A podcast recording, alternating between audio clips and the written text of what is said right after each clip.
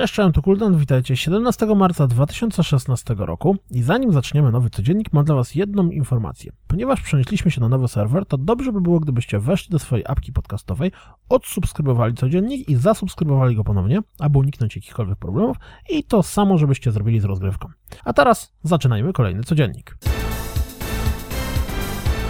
Pojawił się zwiastun Audience Fair Left Riser w wersji na PlayStation 4 i trzeba przyznać, że rysowana grafika po podciągnięciu do HD robi wrażenie.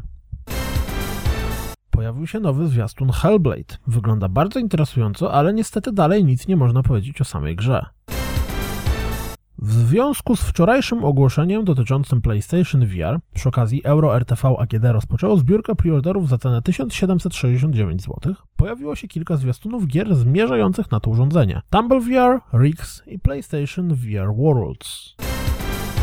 Shadow Complex Remastered jest już dostępny na Xboxie One za 59,99 i przypomina o tym fakcie zwiastunem. Kolorowy platformer Skylar and Plux Adventure on Clover Island, zmierzający na PlayStation 4, Xbox One i PC, dostał zwiastun. Nie da się nie zauważyć podobieństw do Ratcheta i Clanka. Wygląda na to, że wszystkie epizody Hitmana mają pojawić się do końca lata. Pierwszy epizod Nova Cover Ops, czyli fabularnej kontynuacji StarCrafta II, będzie dostępny 30 marca. Paradox Interactive podał daty premier dwóch swoich nadchodzących gier. Hardkorowa drugowojenna strategia Hearts of Iron 4 pojawi się w D-Day, czyli 6 czerwca, Hader się jara, a kosmiczny Stellaris 9 maja.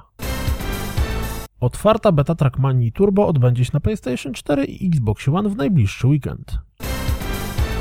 Rime nie będzie już ekskluzywą na platformy Sony, bowiem deweloper odzyskał pełnię praw do tytułu. Ploteczki mówią o tym, że gra miała problemy z grywalnością i Sony straciło cierpliwość do przeciągającego się czasu produkcji. Ploteczki ploteczkami, a jak będzie z grą przekonamy się po premierze. Pojawił się kolejny filmik przedstawiający Team Santa Monica. Tym razem skupia się na Barcie Wrońskim, Technical Architekcie. To wszystko na dziś, jak zawsze. Dziękuję za słuchanie. Jak zawsze zapraszam na www.rozgrywkapodcast.pl. Jeśli doceniacie moją pracę, wesprzyjcie mnie piątakiem na Patronite i mam nadzieję słyszymy się jutro. Cześć!